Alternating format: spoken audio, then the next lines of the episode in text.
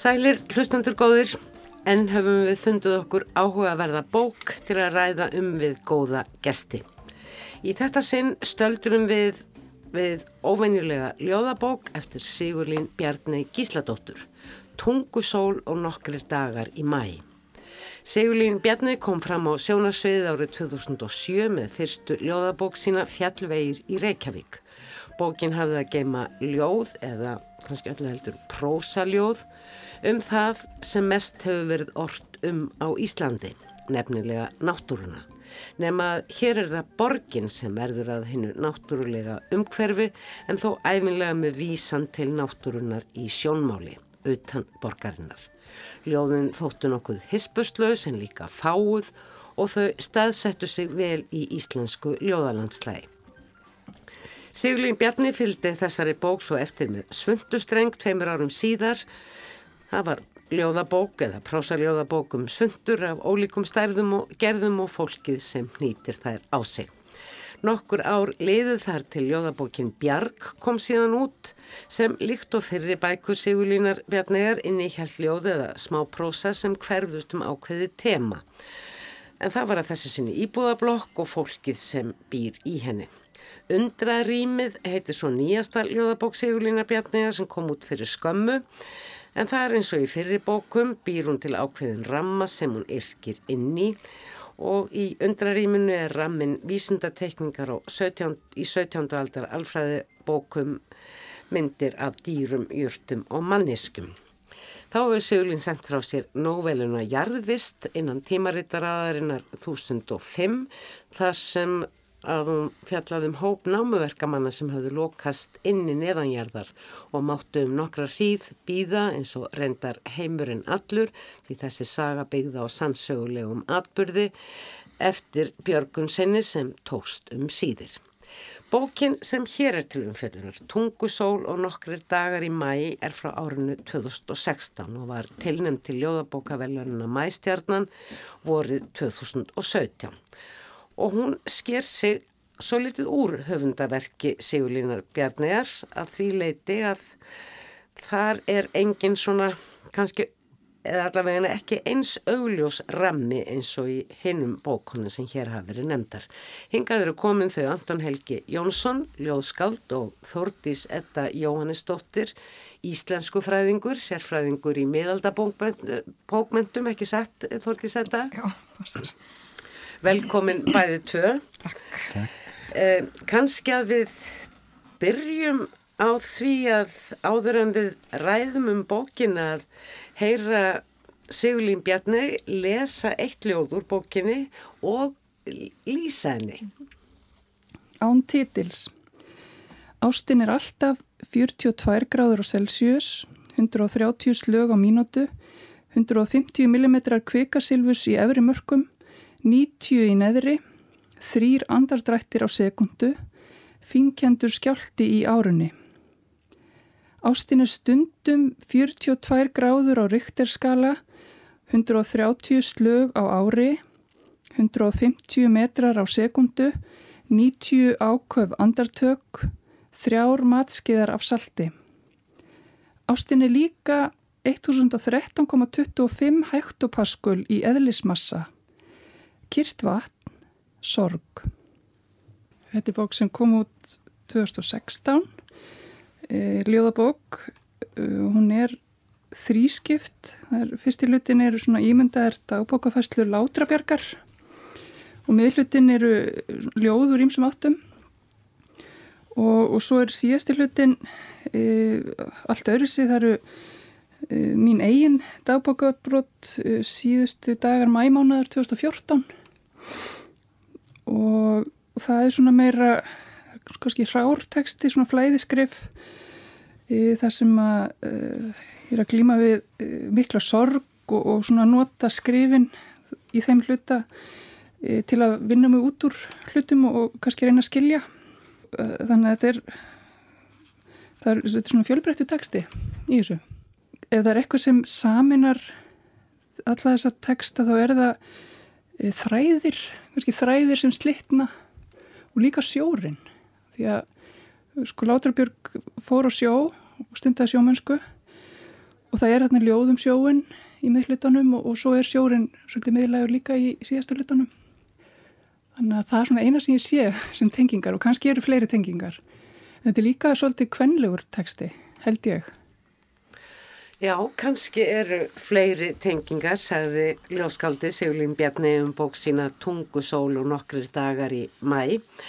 Anton Helgi og uh, Þordís Edda, uh, hvernig kom þessi bók svona til ykkar? Ég mann þegar ég las hana fyrst, þá fannst mér hún, ég var hissa.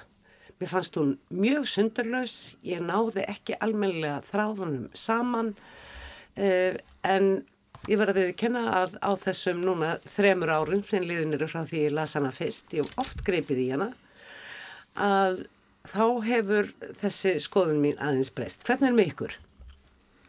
Já, ég verð að segja að það fyrst til ég las hana þá, ég veit ekki hvort ég get sagt að mér hef fundist hún sundurlaus en mér fannst kaplarnir þrýr, ég tengdi þá ekki eh, svo vel og mér fannst þeir í sjálf sérstaklega síðast í kaplinn sko nokkru dagar í mæ fannst mér þá vera alveg sjálfstætt verk og bara heildstæð bók og hefði þess vegna átt að koma út einn og sér mm. og Ég er í sjálf og sér á þeirri skoðun en þá, mér finnst það svo sterkur tekstuverkar en það stert á mig ég get alveg séð það fyrir mér sem heila bók. Hins vegar... Uh, komum í, kannski betur að þessum já, teksta síðar, hann er mjög sérstakur. En í endurliti þá og þegar ég renni yfir bókina núna þá finn ég betur tengingarnar.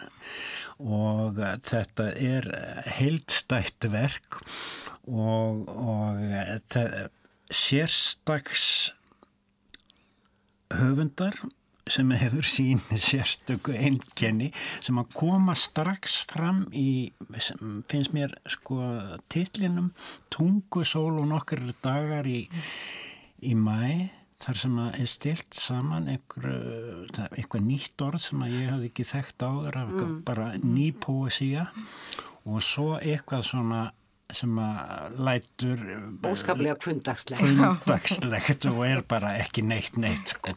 og þetta er svolítið einkenni á á skaldinu finnst mér að það, það er oft mikið hugmyndaríki og vinsla með málið og síðan stundum eins og sé bara verið að tala um ekki neitt neitt eða tala um okkur að staða Akkurat En, en sko þegar ég tengi þetta saman og getum farið betur í það þá núna sem sagt þá sé ég þræð, þetta er ólíki en þá mjög ólíkir sko kaplar getum við sagt. Mm. en það hérna tengingarnar undir niðri eru miklar og margar sko. Og í rauninni þá þegar ég lesi þetta yfir núna þá sko þá get ég séð í þessu sko Þetta byrjar á dagbók Látrabjargar og endar á, á dagbók Skálsins en í rauninni má líta á miðkaplan líka sem er uh, hérna ljóðin sem dagbókarfærslu mm, líka. mm, yeah. og þannig gengur sákapli yeah. mikið betur upp ef maður hugsaðan svolítið þetta er svona skýstinn eitt og annað ljóð yeah. svona eins og þau bara koma eins og dagbókin vilja hlutir koma. koma svolítið bara svona ósálrætt fram mm. líka eins og dagbókarskræð Þú kröðið þessa bók nú nokkuð verð þegar hún kom út og skrifaður um að gaggrina á hugrás Já, ég fekk það verkefni og mjög gaman að fá að skrifa þessa bók.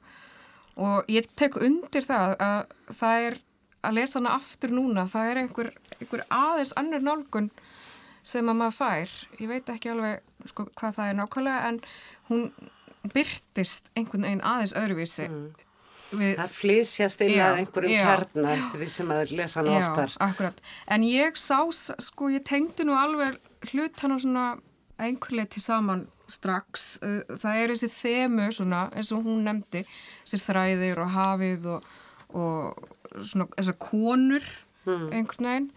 Uh, en ég get alveg tekið undir það að þessi síðastu hluti gæti alveg staðið undir þessi sjálf og sinni stærri bók og mér finnst sama gilda um fyrripartin. Látrabjörgur. Já, fyrsta mm. partin. Þar fannst mér, ég mann sínum tíma langaði mig stærri frásögn Mm. og að hafa þann, þann hluta stærri því að mér söktist mér einhvern veginn svo ofan í hann Mm. Það var náttúrulega skemmtilegt þegar bókin kom út þá hafði um svipa leiti heldur rétt áður komið út heil bók, skáldsaga já, um Látrabjörgu eftir. Hermann Stefánsson Bjargræði Já. þar sem að svona uh, Látrabjörg fekk í samtímanum að segja frá lífi sínu. Þetta er stittra og já, og, og- og í rauninni kannski meira hjartaskerandi Já. allt er nýstandi Já. hér hjá uh, og það er kannski það sem að uh, tengir þessa bók. Við heyrðum hann að uh, flytja þarna ljóð sem að reyndar er án titils en gæti heitið uh, Ástin, hvað er ást? Ástin kröðin mælist ykkur ástarinnar uh, og uh, mér finnst í rauninni sko einhvern veginn ástin halda þessari bók algjörlega saman. Já, ég tek og þessi háski ástarinnar Já, já. sem er missirinn já, Já, ég, Ekki ég, te, tek undir það. Og ég verði að segja það sko þegar ég, á, þegar ég las þessa mm, bók fyrst sko þá hérna þá fannst mér uh, hérna Látra Björg, hún kom ekki eins til mín eins og hún gerir núna. Og það var kannski vegna þess að þá hérna mm, einhvern veginn var ég með hugan of mikið við sögupersonuna einhvern veginn núna þá bara glemdi ég henni. Og hún fyrir mér er bara einhver frontur. Og ég les hana núna með síðana mikið meira í samhengi við síðasta kaplan og Já, þeir kallast svo á í raunin er þetta bara konan sem að er í ástarsorg í báðum sem að kallast þarna á og ég bara fyrir tilvíljun þá allt í hennu tók ég eftir því að sko bókin fer í ring sko hún endar þarna á, á dagbók í mæ sem fer fram í júni já, og hún byrjar á júni dögum látrabjargar á einhverju annari öld þannig að þetta er einhver svona eilíðar ringur, einhver eilíðar mm, hugsunargangur í kringum ástina, ástarsorgina, missin og sorgina mikið náttúrulega sem er þarna allsarafandi. Ég man ekki betur heldur en að uh, uh, Siglin Bjarni hafi sjálf sagt í, uh, þegar hún var að lýsa þessum kabla um Látra Björgu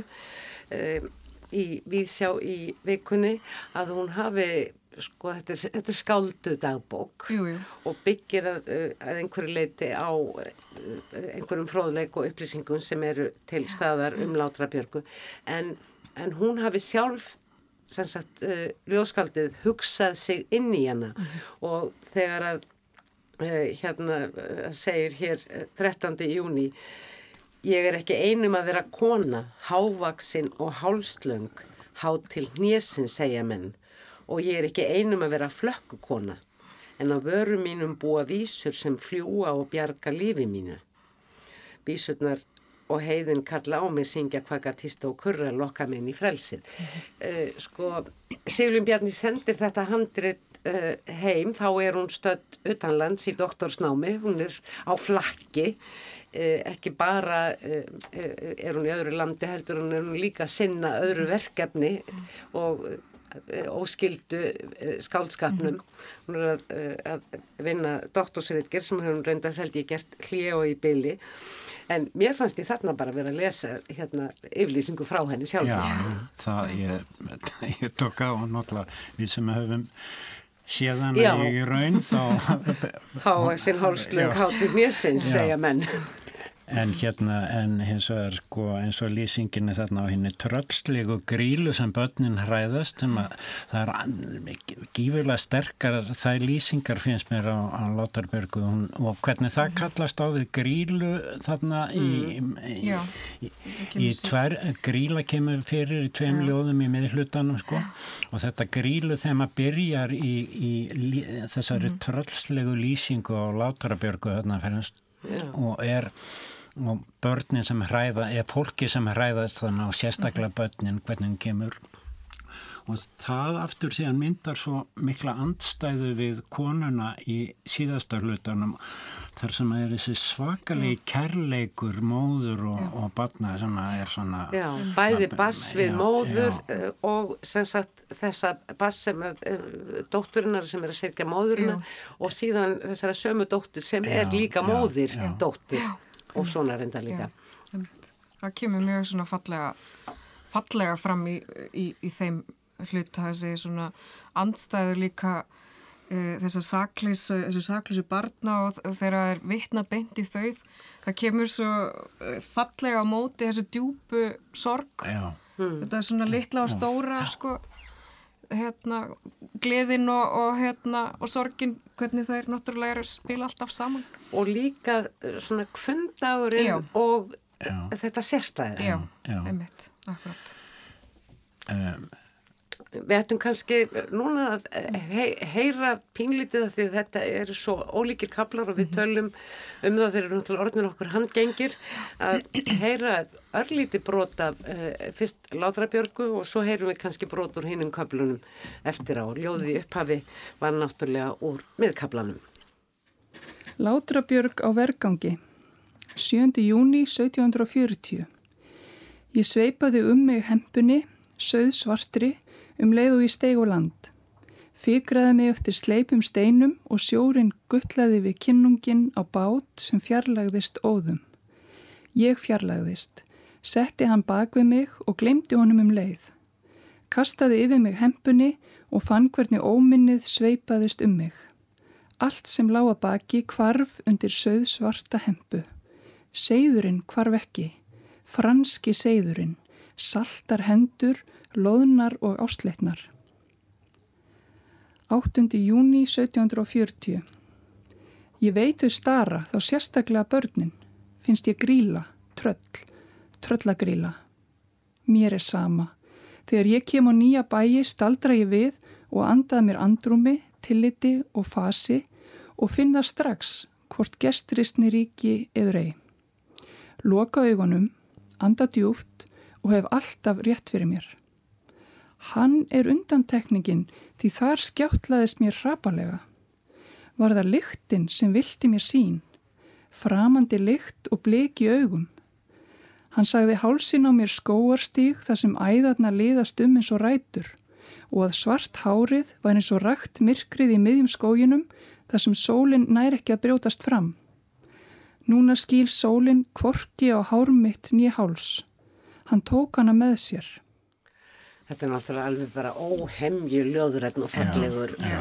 teksti að hlýða á já, og maður hverfur nánast inn í hann. Já. En þetta er sterk kvennabók. Það er mikið af uh, konum í þessari bók. Það eru mis svona framalega. Látra Björk er náttúrulega mjög uh, uh, hérna, uh, uh, mikil persóna í bókinni og, og ljóðmælandi og, og móður hennar. En svo eru nokkra konur og í rauninni kannski fyrsta ljóðið í miðhlutanum. Arfur. Eh, það er svona eh, svolítið eins og forleikur þó að eh, ljóðin komi kannski eftir því sem hún sagði sjálf svolítið sitt hvert og sinni áttinni að þá, þá saminast þau í þessu konum og, og kvenlegri yðju konurnar er eins og blundur og fjæðrir mjúkar, léttar viðkvæmar, sterkar flóknar þrættar í flækju þráðum sem handahófið varpar fram í fegurð segir í lók þessa fyrsta ljóðs. En það sem að gerir þetta ljóð mjög sérstakt fyrir mér að að hvort því ég heyrði hann að lesa þetta held í fyrst áður en þetta kom út í bók. Og það var sko upptalningum og nöfnin sko að koma þarna. Eva Maria Gríla Lína Langsokkur og Frída Kaló Látara Björg Vigdi Sveinbóðardóttir og tvær mömmur. Já. Og þetta er náttúrulega mjög sérstakur listi og, og hver og ein kona eða hver ein manneski gerir sinn lista akkurat en uh, einmitt það að hún gerir leggur sinn fram með sína, sín sérstöku nafn Já. það er eitthvað mjög sérstöku með þessar sérstöku personur. já. Já. Og, svo náttúrulega skýringin á þeim eins og gríla þreytta fjölbura mamma sem að gefa ge- Akkurat. Sem kemur beint á eftir Maríu sem er hugljúfa já, móðurinn. já. Akkurat. Já, ég sammála því. Er, Hérna, mjög sterk upp, upptalning, Já. mér. Já. Svo hefur hún eh, sagt að hún kunni ekki hvorki að prjóna hann í hekla en, en samt fjall er mörg ljóðin með myndmál einmitt úr þeirri Já. yðju. Já, Já, það og hérna hekkljóði þarna sérstaklega er eitthvað, það er eitthvað mikil galdur í því og Já. maður hugsaði bara Já. hvað hérna þarna er heil heimur sem opnast Já. upp bara og akkurat. Það virkar mjög stert.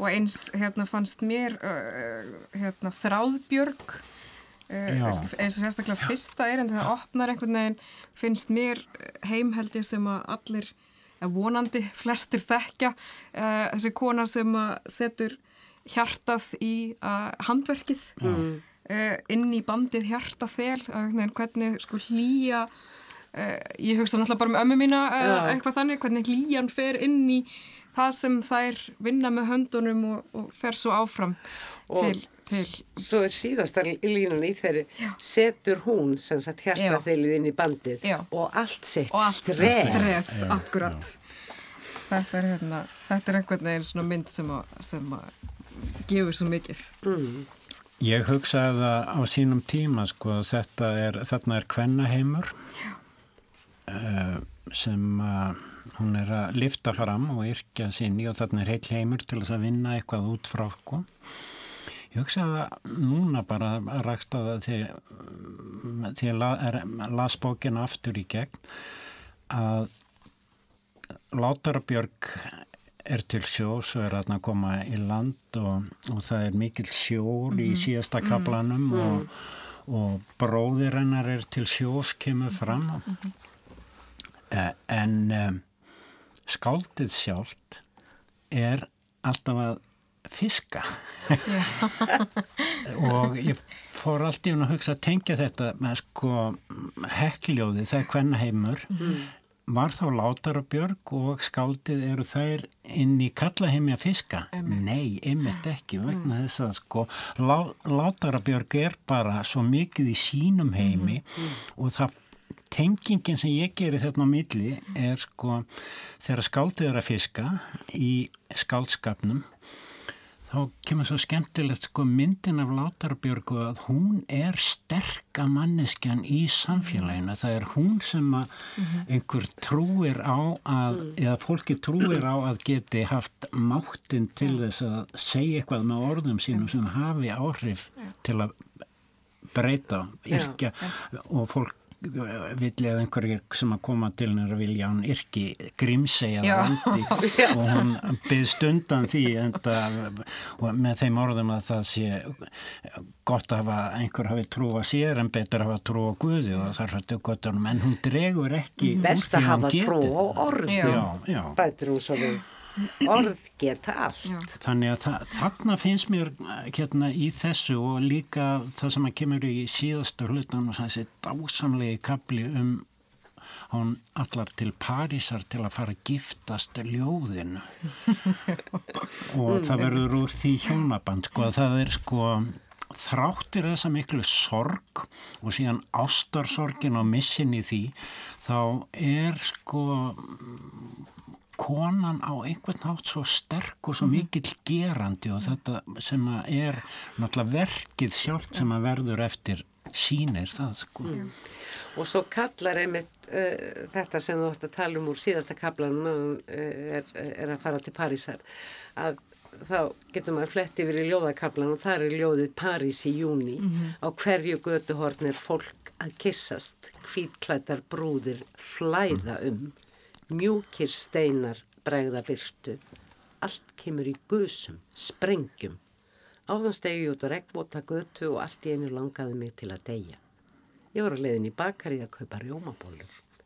forviða, pantaði í bolluna og komst í gegnum daginn. Þetta, þarna kemur þetta svo stert fram það sem þú myndist á áðan uh, uh, í sambandi líka við titilin uh, Anton Helgi. Þetta með sára kundagslega Já. Og venjulega Já. og, og svo skaldlegt flug. Já, þetta er mjög stert finnst mér já. í gegnum, í raun og verið gegnum já. alla, alla bókina. Hmm. Þessi einhvern veginn ángi.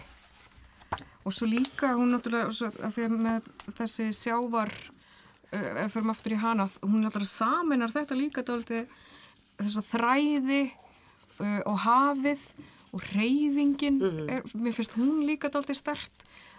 Neina, hérna, uh, ekkert stoppar, sko. Já, það er stöður reyfing. Já, flæði og, og framgákur og, og það er líka af því að þetta er alltaf mikið flæði í textanum sjálfum sem kallast alltaf skemmtilega á einmitt líka við e, Já, þessa haf, já, já, þessa mynd af hafinu. öldurnar hann að koma og fara í einu hvæðinu, þú kemur Já. til mín og þú fer frá mér. Uh, það er held ég, er það ekki ljóðið mar einmitt Já. sem er, það, er þannig og Á baklið bókarinnar uh, segir í svona auglýsingateksta að Sigurlín sé þekkt fyrir skemmtilega og persónulega efnistök og það má vissulega til sannsvega færa. Ljóðanar hafa hins vegar hinga til ekki verið persónulega í þeim skilningi að hún, uh, að það sé mjög augljóst að hún sé einhvern veginn að fjallum sjálfa sig þó hún flest ljóðskald uh, þeirra persóna er náttúrulega uh, yfirleitt innbyggð í ljóðun og það veist þú væntalega líka ma- manna best Anton Helgi. En í þessari bók, engum í síðasta karplanum, er hún óeikjandi, afar persónuleg en það svarar hún spurningu þar að lútandi algjörlega játandi. Já, þetta er náttúrulega svolítið sérstætt að gera þetta og kannski sumum finnst óþægilegt að leysa þetta. Ég held að það sé mjög misjant. Auðvitað getur maður bara að skrifa svona og setja í skúfuna en ég ákvaða að stíða þetta að skrifa, leifa þess að fara út að því að þetta fjallar um þó þetta sé sértakt og mín eigin reynsla þá er þetta líka svo samanlegt bara sorgin og dauðin yfir höfuð er eitthvað sem við þurfum öll að takast á við. Og líka ástasorg það er eitthvað sem má ekki vannmeta, það er stór fyrirbæri fyrir marga og fá það tvent á sama tíma er, og, og líka bara þetta að, að hafa þessa trú á skálskapnum að, að nota hann sem svona haldripi og eit- eitthvað skonar hjálp og ekki bara lesa sér til hjálpar heldur líka að skrifa. Og ég segja okkur um stað að þetta draga fram lífið með því að draga til stafs. Og ég skrifaði ákvað líka því að ég svo oft þegar ég er að skrifa þessi ljóð þá, þá er maður að vanda sig svo mikið og maður er lengi með þau og, og svona þessi rosalega vandvirkni og alltaf að vera að sníða burtu og laga og þá vildi ég líka bara prófa að skrifa eitthvað sem bara ég hef skrifað á þrejum dögum og lætt standa. En samt eh, svona eftir, þegar ég fór að koma þess eftir að þá svona stytti ég aðeins og þetta er alltaf viðkvæmt að því að það eru, það eru aðri sem koma við sögu þannig að maður þarf að passa sig með það Já, þetta er uh, mjög hrátt og svona uh, já, brotakent og, og ekkert mikil rökhyggja í þessu í rauninni og ástinn og döðin er ekki rökleg sko, þannig að þetta eru síðustu dagar mæmánaðar 2014 ég ákvað bara að láta allt gossa og, og, og reyna að finna hverja einustu lausu stund dagsins til að skrifa inn í þetta Já, þetta, hún er raunin að lýsa þarna einhvers konar terapíu já. Já, og ég, og ég eh, spyr mig, spyr þig, Anton Helgi, sem uh, sko uh, ljóðskáld og þig kannski sem fræðimann, þetta, svona persónlegt flæði, já, hefði verið hægt að setja það hún í skúfu, en hún gefur okkur hluteld í því. já, og það náttúrulega sko, ég er, ég, sko, nýttum þá hann segir þetta er mjög hrátt, sko. Það getur, um, Manni finnst það nú ekki Nei. sérlega. Nei, en sko þá hugsa ég á móti sko sömuréttir eru besti ráir og það er það sem er akkurat með þennan rétt og þennan bókmentateksta að hann virkar einhvern veginn á mann stundum eins og það komi upp eitthvað sem að vill ekki koma upp sem að átti aldrei að segja. Og um, það komi, kemur brot hér og brot þar og og þetta verður brota kent eins og hann segir svolítið sko.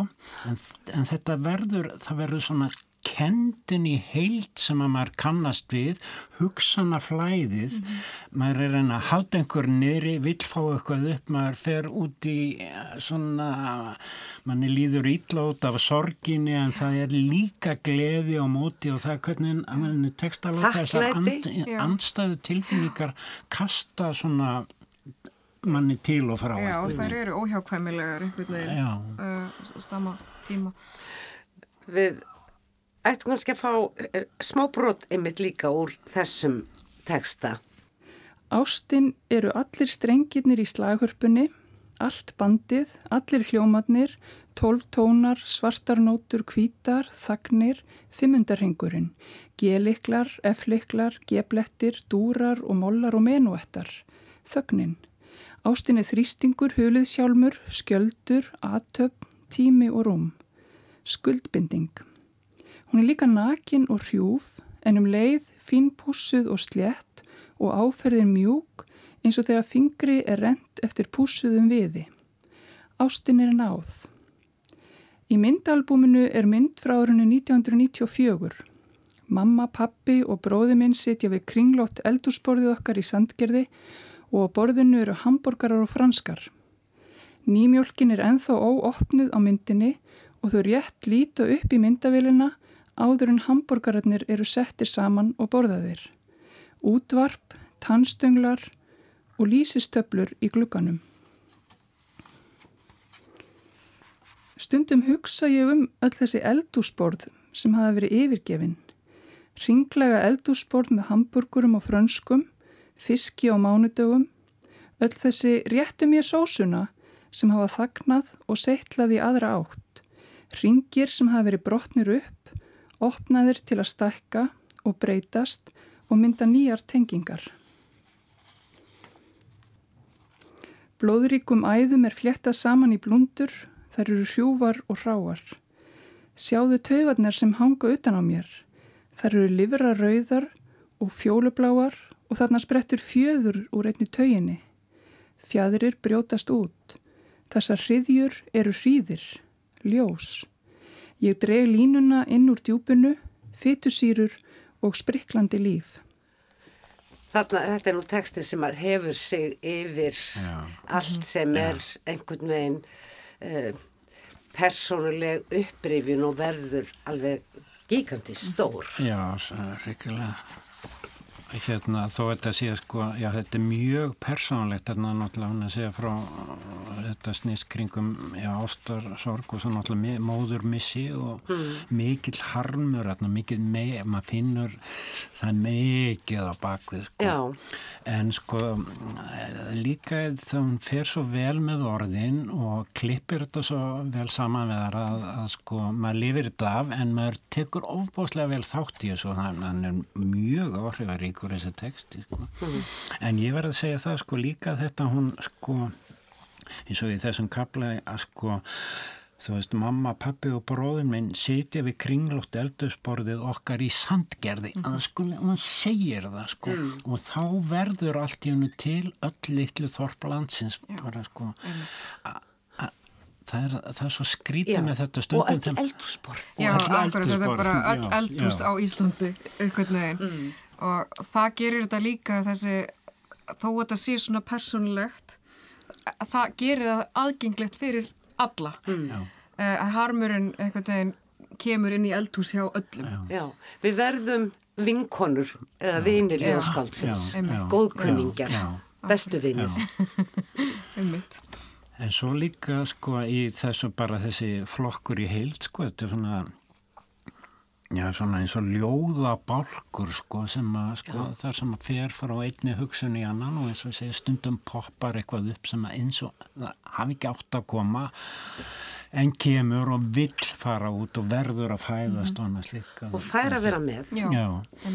þannig að sko mm, lesið maður þetta með þeim ásetningi sko þá er það, þá er eitthvað sko já, þetta er bara gimsteinn þessi teksti en þetta er ekki söguteksti þá er þetta virkar hann aðeins öðruvísi að að þá er þetta doldi mann er ekki með Hmm. En, en mann nálgast það neil ekki þannig nei. Nei. Nei.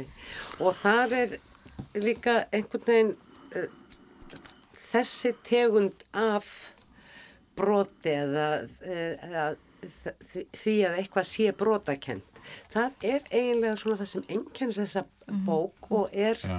hennar sko eh, reynstyrkur en hefur svolítið verið hengt á hana sem veikleiki. Já.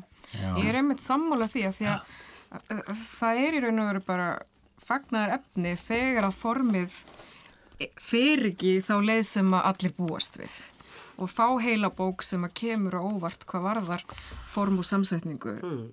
er gleðilegt myndi ég segja, þegar að hefnast líka svona vel Já, mm. já og svo er náttúrulega það er sko það er bara svo margir staðir í bæði þessum síðasta kabla og allir í bókinni þar sem er sko gaman að flett upp aftur og mm. aftur bara svona mm. að því að fallegum samsetningum og hugmyndum hjá henni sem eru og hérna að þú varst nú búin að áður að spyrja sko okkur hvort við ættum uppáhaldsljóð og svona margir textar í því. Mér langaði, ég ætla að mér langaði að nefna eitt uppáhaldsljóð sko en líka minnast á eitt sem er svolítið sérstakt ljóð í öllu þessu sko.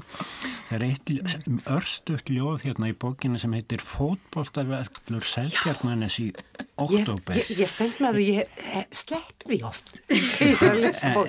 Og, í sviga Vívaldi völlurinn og það hljóðar svo auður völlur, rók kvítur póki, fíkur yfir sleikir slána mark. Og það sem er svo sláandi við þennan text á í samhengjunu hvert skáldið er að ég held bara í næstum öllum textum og öllum ljóðinum en allstaðar er alltaf fólk. Allt í hennu kemur hérna fáranvægt ljóðum póka sem fíkur reyndar í manns umhverfi sko. Mm. en svona Já, þetta er líka þetta sker sig svo já, mikið úr já. að það verður eiginlega alveg magna en er svona, svona ábúslega cool og svona en eins og hún er stundum að maður veit ekki alveg hvað maður á að halda sko. en við veljum að hlæja á brosutíðan Já, akkurat, akkurat Áttu þér eitthvað upp á hals? Sko ég, hérna meira bara svona brot og myndir mm. það eru, það eru svona sterkar myndir sem að, sem að við erum búin að tala um eins og þessi þetta flæði sjórin eh, þræðurnir mm. Uh, og þetta er svona, þessi hannirðir þetta eru, minnst þetta meira svona myndir sem verka mjög á mig en, en svo að því nú bara með opið hérna líka á ljóðunni Harmdögg það finnst mér mjög stert mm. og, og þar er kemur hún aftur með svona upptalningu eins og áðan sem að verður svo hérna, sterk einhvern veginn. Það var einhvern tíma að tala um eitthvað sem hér var uh, hérna, ljóðræna listana. Já, mm, þetta er svona, þetta er svona, byrjar á hérna, sapna þjóðar harmi í eitt ár og þetta eru auðvitað sterk og flott mynd. Hvert heitrandi tár. Og svo, hvað, akkurat, svo byrjar þetta eldur í Kaupmannahöf 1728, svarti döði, gerfuglin, skaftáreldar, brotlendingar í þessari röð og þetta eru auðvitað áhugaður hvernig hún raðar þessu og svo kemur hérna að koma hérna, stórir atbyrðir eins og móðuharðindin eh, köllugós og svo allt í einu yfirgefin eldhúsborð mm. og þarna finnst mér aftur þetta, mm. þessar eh, myndir anspannis hver annar þessar stóru harmleikir mótiðinum yeah. persónlega yeah. harmleik Það er svolítið talað um það núna að uh, harma og áföll sem erfist, sem mm -hmm. setjist í uh, sálir einstaklingana í sömu fjölskyldu, í, af sömu þjóð og svo framvegis. Þessi bók fjallar svolítið um það, hún talar beint inn í þá umræðu. Já, það er rétt. Það var annar ljóð sem ég langaði endilega til að minnast á að því að kallast á svo margt og það heitir Rissur skissubók mm. 15.8.2012. Í miðri hugleislu í dag kom svo hugmynd að skrifa sögu þar sem mamma sögupersonu deyr en röttin lifir áfram í kaffibrúsanum. Þá er hún ekki farin og dótturinni finnst mamman ennþá lifandi. Út frá pælingunni, hvað gerir manna þeirri mannesku sem maður er? Er það málrómurinn, fasið, útlítið, ef eitt er tekið burt eða allt nema eitt verður maður þá einhver annar? Glýmir þessi mamma við óta, óta við málleysi, vandar hún frekar orð sín þegar tungumálið er það eina sem hún hefur, ótast hún hernarleysi dótturinnar. Já. Þetta að setja röttina niður í kaffibröðs, þetta er svo ótrúlega flott og koma svo með þessa svakalega flottu hugleiðingu um samband fólks og hvað Já. gerir manneskjöma. Þetta er Genie in the Bottle og, og, og, og Já. sko djúb sannindi Já. lífsins og tilverunar í bland. Já.